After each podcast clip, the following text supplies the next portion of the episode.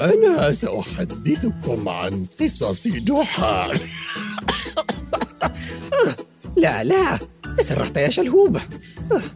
أحتاج لأن أجمع أفكاري. أنا شلهوب. شلهوب حمار جحا. أتعرفون جحا؟ وحكيم الحمقى وأحمق الحكماء. قصصه لا تخلو من الذكاء والحكمة. وفي بعض الأحيان من الحماقة. ولكن من أين أبدأ؟ أوه تذكرت واحدة. هذه قصة عن السعادة ولعبة الغميضة وتحول جحا إلى لص. في يوم من الأيام رافقت جحا إلى صالون الحلاقة فكان جحا يريد أن يهذب شعره. حيث قد وصلته دعوة لحفلة سيحضرها نبلاء وحكام من مختلف البلاد. فأراد أن يكون في أحسن مظهر أمام الضيوف ونخبة القوم. عندما وصلنا إلى الصالون نظر جحا من حوله وتفاجأ عندما لم يجد الحلاق. ولكن كان هناك شاب مبتسم يقف في زاوية المحل. تبين أنه متدرب في الصالون وينوي احتراف مهنة الحلاقة. فجلس جحا مترددا على كرسي الحلاقة قلقا من قلة خبرة الشاب. وما أن جلس جحا ونزع عمامته حتى راح الشاب يهم بوضع المعجون على رأس جحا.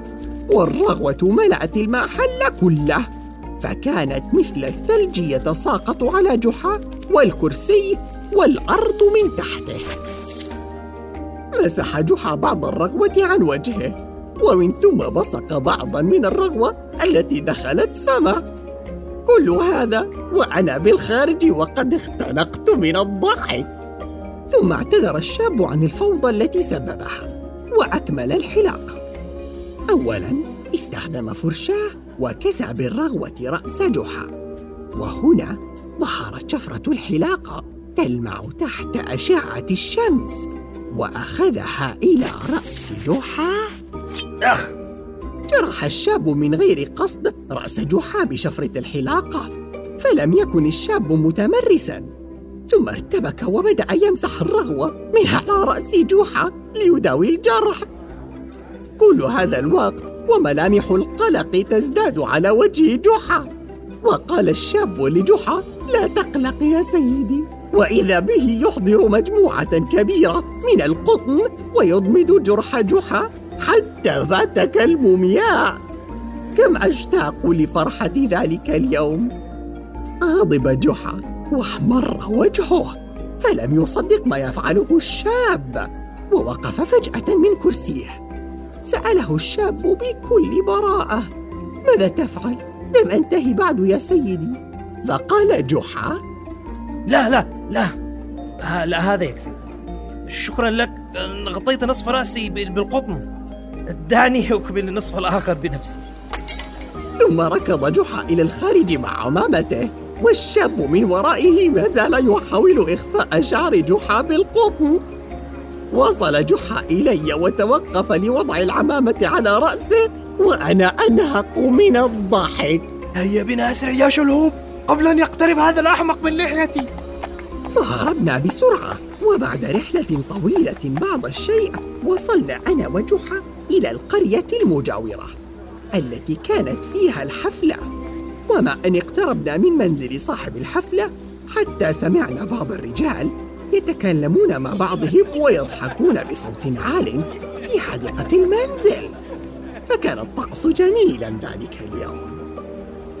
فأسرع جحا للنزول عن ظهري ليذهب إليهم ويشاركهم الحديث والأحمق قد نسي أن يزيل الضمادات عن رأسه.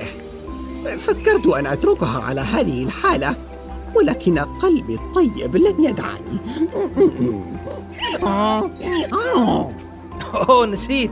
آه شكرا يا شلهوب فأزالها جحا ثم دخل إلى حديقة البيت. كان هناك مائدة طعام كبيرة عليها ما لذ وطاب من الطعام الفاخر والحلويات اللذيذة والفاكهة بكل أنواعها والعصائر الطازجة. وفي الخارج حيث انتظرت كان هناك ذباب. فتمشى جحا بين الضيوف وعندها رأى جحا أحد أصدقائه القدامى يدعى حازم واقفا مع مجموعة من الضيوف. ففرح جحا وذهب للتحدث مع حازم. أتذكر حازم من أيام طفولتي عندما كنت حمارا صغيرا. كان دائما يلعب معي ويطعمني التفاح. وأعلم أنه بعد رحيله من القرية عمل جاهدا تاجرا وحقق نجاحا كبيرا وأصبح رجلا ثريا ذا غنى فاحش. وكان يحب جحا لتواضعه وحكمته. وروح دعابته فعندما اقترب منه جحا ناداه قائلا يا صديقي أنسيت أصدقائك القدماء؟ أم أن المال أفضل رفقة كما يقولون؟ كم اشتقت لك؟ ولكن عندما التفت حازم لجحا لم يبدو متحمسا أبدا. بالرغم من ابتسامته الخفيفة شعر جحا أن حازم لم يكن على طبيعته. فكانت دائما بعينيه لمعة وحيوية ولكنهما الآن مليئتان بالحزن فقلق عليه جحا وسأله. ما بك يا حازم؟ تبدو مهموما. يا صديقي طوال معرفتي لك لم أتمكن من إخفاء الحقيقة عنك. فأنت تعرفني جيدا. وبدأ حازم مكتئبا وحزينا بالفعل فسأله جحا. ولكن ما الخط لماذا هذا الحزن؟ وما كاد جحا ينتهي من سؤاله حتى ترقرق الدمع من عيني الرجل وبدأ يسيل على خديه وهو يجيب عن سؤال جحا. يا جحا أنعم الله علي بالثراء والحياة الرغيدة. لكن برغم كل ذلك ما زلت حزينا وبائسا لأنني أشعر بالفراغ بداخلي. فقد قضيت سنين من حياتي وأنا أعمل وأجتهد لأجمع المال. ولأي غرض؟ المال لم يجلب لي السعادة. أشعر أني أهدرت حياتي بالسعي وراء الغنى. جحا شعر بمعاناة حازم ونظر إليه بعطف فقد أراد أن يساعد صديقه العزيز. ولكن يا حازم كيف تنبذ ثمار عملك هكذا؟ ألا تكترث بنتائج جهدك؟ لا لا أكترث بالمال أبدا بل قد سئمت منه.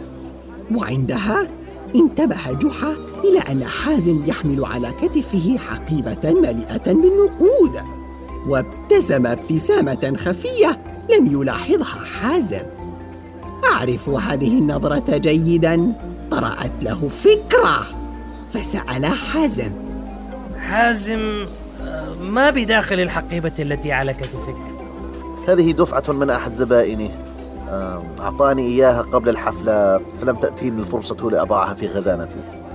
وفجأة وبسرعة الثعلب قام جحا بخطفها من على كتف حازم وبدأ بالركض باتجاهي وهو يصرخ. أركض يا شلهوب أسرع! ارتبكت أنا وركضت بالاتجاه الخاطئ حتى شدني جحا من أذني وصعد على ظهري وبدأنا بالركض خارج المنزل. وحازم يصرخ من ورائنا محاولا اللحاق بنا. جحا توقف! ماذا تفعل؟ أعد لي حقيبتي! وصلنا إلى زقاق بين بيتين واختبأنا وراء كومة من الشعير. كان مكانا جيدا للاختباء ولكنني عانيت وأنا أقاوم الرغبة بأكل الكومة كلها. أما حازم المسكين فكان يحاول تقفي أثرنا للحق بنا ولكنه فشل بذلك. فصاح. جحا كم أنت رجل مخادع؟ دجال وشرير! بدأ حازم بالركض والصراخ بين المنازل لكل من يسمع. جحا نهب أموالي وهرب! جحا نهب أموالي وهرب! وفي تلك اللحظة كان رجل مارا على الجانب الآخر من الزقاق. فرآني وجحا مختبئين. كبرت عيناه ثم صرخ لحازم ها هما هنا؟ فركض حازم إلى الزقاق واضطررنا لأن نهرب مجددا. ركضنا إلى الميدان وكان هناك سوق خضار وفاكهة. فأسرعنا إلى كشك قريب واختبأنا وراء براميل مليئة بالبهارات. شعرت وكأننا نلعب لعبتي المفضلة الغميضة. انتظرنا بهدوء وشاهدنا حازم يتمشى بالسوق وليس لديه فكرة عن مكاننا. ولكن كان لدينا مشكلة كبيرة. فأحد البراميل كان بداخله الكمون. وأنا لدي حساسية للكمون. فقاومت وقاومت ولكن فانطلقنا بسرعة وركضنا وحازم وراءنا يصرخ. جحا! جحا أنت شرير! والناس تنظر إلينا وتهرع لتفادينا ونحن نركض بينهم. فخرجنا من الميدان وكنا متجهين إلى بوابة القرية. نظرت خلفي وإذا حازم قادم من بعيد مسرعا تجاهنا وعزمت على ألا أخسر اللعبة فأسرعنا إلى بوابة القرية. ودلني جحا إلى وراء شجرة بجانب البوابة لنختبئ وراءها. حاولت الاعتراض فكانت الشجرة نحيلة ولن تخفينا تماما ولكن جحا أصر.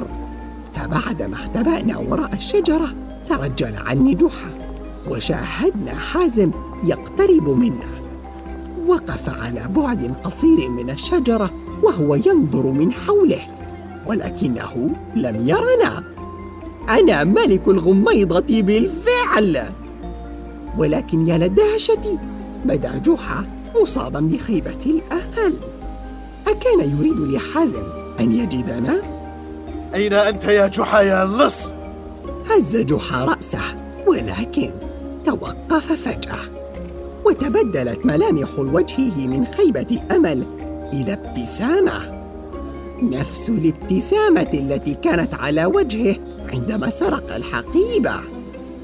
لم أكن أعلم ما كان يخطط له إلا أنه التفت إلي مد يده باتجاهي وشد ذيلي لماذا يا جحا؟ خسرتنا اللعبة يا حقير. ظننتنا أصدقاء. أها. وركض حازم إلينا وقال بغضب. ها وجدتك يا جحا. أعطني حقيبتي الآن. هل جننت؟ لماذا سرقت حقيبتي وهربت مني هكذا؟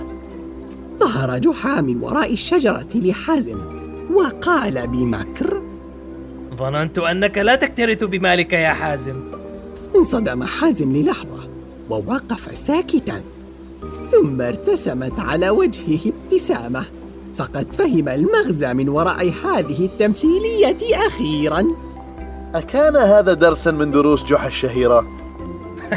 يا صديقي شعرت فقط بأنك قد تحتاج إلى تذكير بسيط بالنعم التي لديك.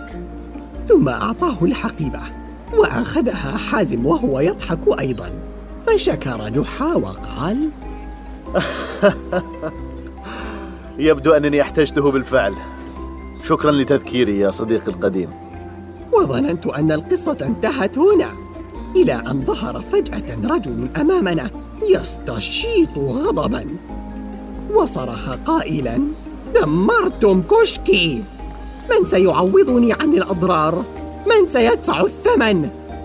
فنظر جحا وحازم كل إلى الآخر رفع جحا حاجبيه وقال لم أقل أبدا أن دروسي مجانية يا صديقي فتنهد حازم وهو يضحك ثم قال لصاحب الكشك حسنا حسنا أنا سأتكفلها يا سيدي تعال معي. وهكذا انتهت مغامرتنا مع حازم الذي وجد سعادته مجددا بمساعدة قليلة من صديقه جحا. فالمرء أحيانا بإمكانه أخذ نعمه كأمر مسلم به وينسى السعادة التي تجلبها هذه النعم. على أمل إن صار ذلك سيكون لك صديق مثل جحا ليذكرك بأنك ممتن لما لديك في الحياة. ولكن إذا شددت ذيلي مرة أخرى يا أحمق فسأركلك إلى الشمس.